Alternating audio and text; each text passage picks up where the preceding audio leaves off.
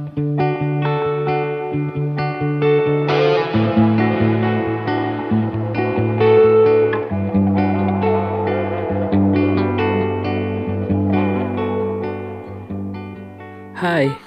balik lagi bareng gue Oki di Journey of Runaway Sebuah podcast yang nyeritain perjalanan hidup dan segala cerita di dalamnya Mulai dari Garut hingga Amerika. Makasih ya, udah mau dan masih dengerin ocehan gue ini Gue cuma pengen ngebagi cerita yang gue alamin Dan semoga gue bisa nemenin kalian dengan cerita-cerita gue ini Cause everything is possible after all Right? Oh, the wind in my head, it sings my song.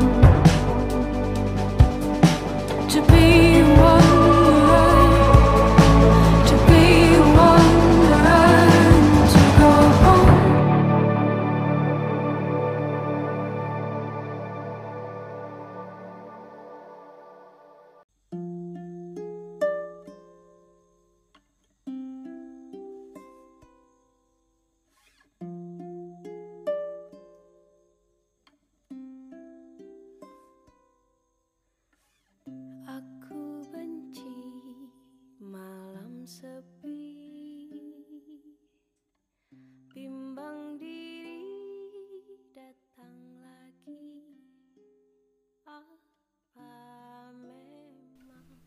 Wah, podcast ini sedikit terlupakan kemarin.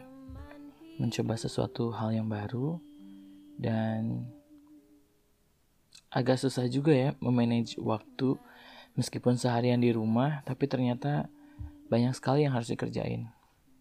Jadi episode 7 ini agak tersendat sedikit sih. But finally I'm back. Oke, kita lanjut ceritanya ke tahun 2010 ya. Tahun 2010 gue kembali ke Bandung. Setelah selesai magang di Malaysia, akhirnya gue balik lagi ke Bandung buat nyelesain kuliah. Lanjut wisuda. Ah, cerita wisuda pun bukan cerita yang begitu menyenangkan. Karena pada saat itu, mama sama bapak gak bisa datang ke Bandung. Saat itu gue ada pacar, tapi dia juga gak bisa datang. Akhirnya gue ngajak sahabat-sahabat gue dari Garut dan alhamdulillah tiga di antaranya datang ke Bandung saat itu juga, sore itu juga. Lumayan terobati lah ya. Jadi gue pergi ke acara wisuda gue ditemenin sahabat-sahabat gue. Gue nggak ada tuh foto wisuda yang bareng sama orang tua ataupun sama keluarga. Nggak ada. Jadi momen wisuda gue ya sama sahabat-sahabat gue dan fotonya pun cuman cuman foto gue sendiri kayaknya pakai handphone gitu. Udah, nggak ada yang spesial di hari itu. Mungkin cuman kayak apa ya ngedeclare aja gitu bahwa gue selesai kuliah dan bukan mahasiswa lagi. Kelar wisuda ya giliran nyari kerja lah ya. Jujur, kala itu gue ngerasa percaya diri banget bakal cepat dapat kerja. Karena kan udah banyak yang ngomong kalau katanya lulusan kampus gue itu cepat dapat kerja. Jadi gue agak nyantai dikit sih sebenarnya. Kelar wisuda, gue kayak ngambil a break gitu kayak sebulan, eh, enggak deh beberapa minggu. Terus mulai deh tuh nyebarin lamaran ke beberapa hotel besar di Bandung. Gara-gara waktu itu gue magang di hotel-hotel besar, secara nggak sadar, ego gue ternyata berubah. Pengalaman itu bikin gue jadi belagu. Saat itu, gue cuma pengen kerja di hotel besar. Nggak tau diri banget kan? Fresh graduate, tapi belagu. Kenyataannya butuh dua bulanan buat gue akhirnya dapat kerja. Di mana gue akhirnya dapat kerja? Di Bandung. di sebuah kafe kecil di daerah di Pati Ukur. Ini adalah bukti ketidakberdayaan gue sebagai seorang manusia. Ya, kita kan cuma bisa berencana aja kan. Ujung-ujungnya Tuhanlah yang menentukan. Pengennya kan kerja di hotel besar, bintang 5, semua hotel ternama di Bandung dan Jakarta sudah gue masukin semua lamaran. Tapi gak ada satupun yang masuk. Gak ada. Nah, di sini titik di mana Tuhan nunjukin ke gue kalau hidup itu gak bisa semau gue. Gak bisa juga melulu soal ego. Kejadian ini ngajarin gue banget buat hidup lebih tahu diri aja. Lebih tahu diri dalam menjalani hidup ini.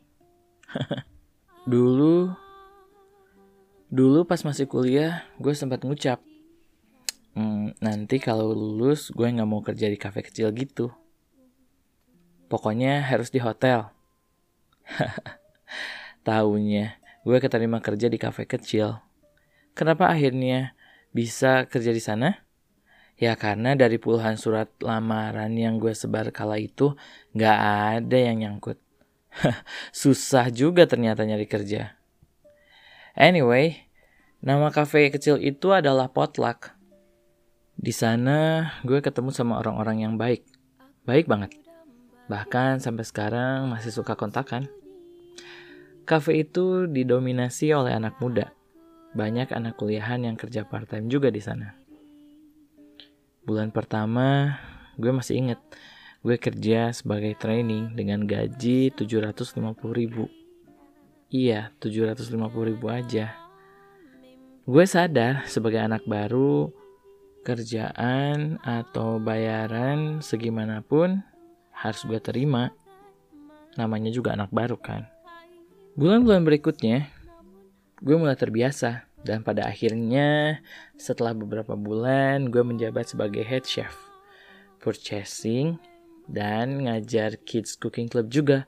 Karena seminggu sekali di cafe itu diadain kids cooking club buat anak-anak kecil yang belajar masak gitu. Dan setelah menjabat beberapa kerjaan seperti itu, akhirnya gue dapet duit sekitar 1,2 apa 1,4 juta gitu per bulan. Terus waktu itu gue juga ngajar di salah satu SMP swasta di Bandung buat materi pengembangan diri. Jadi pokoknya apa pun yang ngasilin duit ya gue ambil. yang penting halal dan bisa nutupin pengeluaran bulanan gue buat ngasih ke ortu, bayar kosan, sama duit pulsa. Udah sih segitu aja. Gila ya, simple banget kebutuhan waktu itu.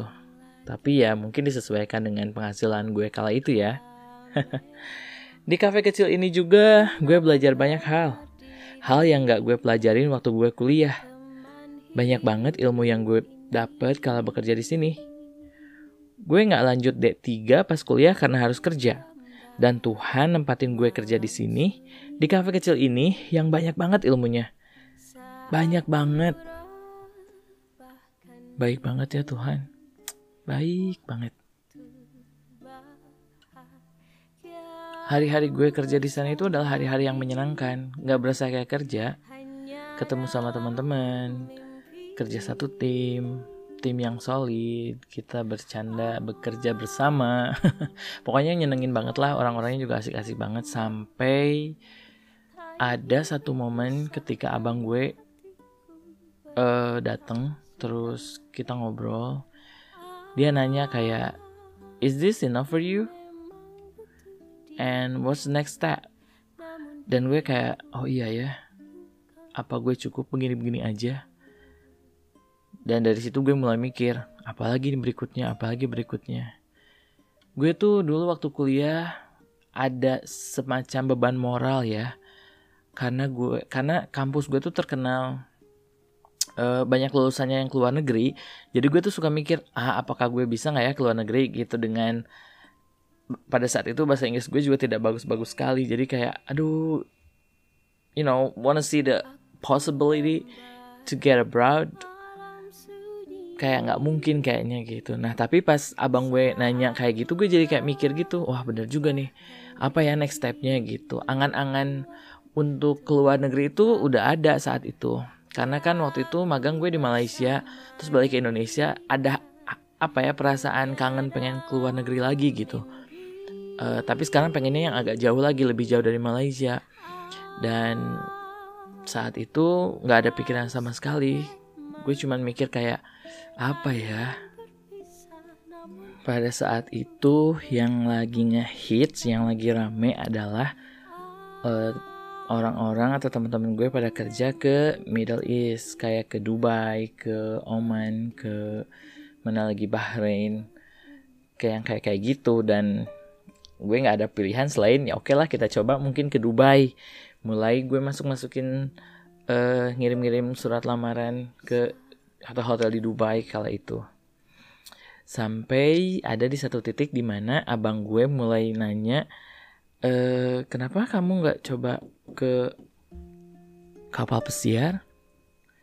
Dan kala itu gue agak apa ya, bingung, bingung karena sebelumnya kita ada obrolan kalau maksudnya uh, gue bapak sama abang gue ada obrolan bahwa uh, apa ya kalau bisa kapal pesiar itu dicoret dari list uh, tujuan hidup atau tujuan tempat kerja. Mungkin karena uh, sebagai orang-orang yang awam kan kita agak nggak tahu ya hidup di tengah lautan kayak gimana. Terus gue sempat nanya-nanya sama senior senior gue dan mereka bilang jangan jangan kerja ke kapal gitu. Tapi pada saat itu abang gue ngeliat ada temennya yang punya adik nah adiknya tuh kerja ke kapal dan ya you know kayak orang awam ngedengar tentang cerita kapal pesiar kan pasti yang bagus-bagusnya yang manis-manisnya gitu. Jadi abang gue kayak terpengaruh dan dia mulai uh, ngasih tahu gue terus ujung-ujung kayak maksa aja gitu udah kamu ke kapal pesiar aja gitu. Dan gue sama sekali nggak punya pilihan saat itu selain oke okay, why not? Let's try. And then dari situlah cerita kehidupan gue mungkin akan berubah dari situ juga American Dream is coming. Dari situ juga Amerika yang tadinya hanya dilihat di TV, just on the big screen, now I'm getting closer to get there.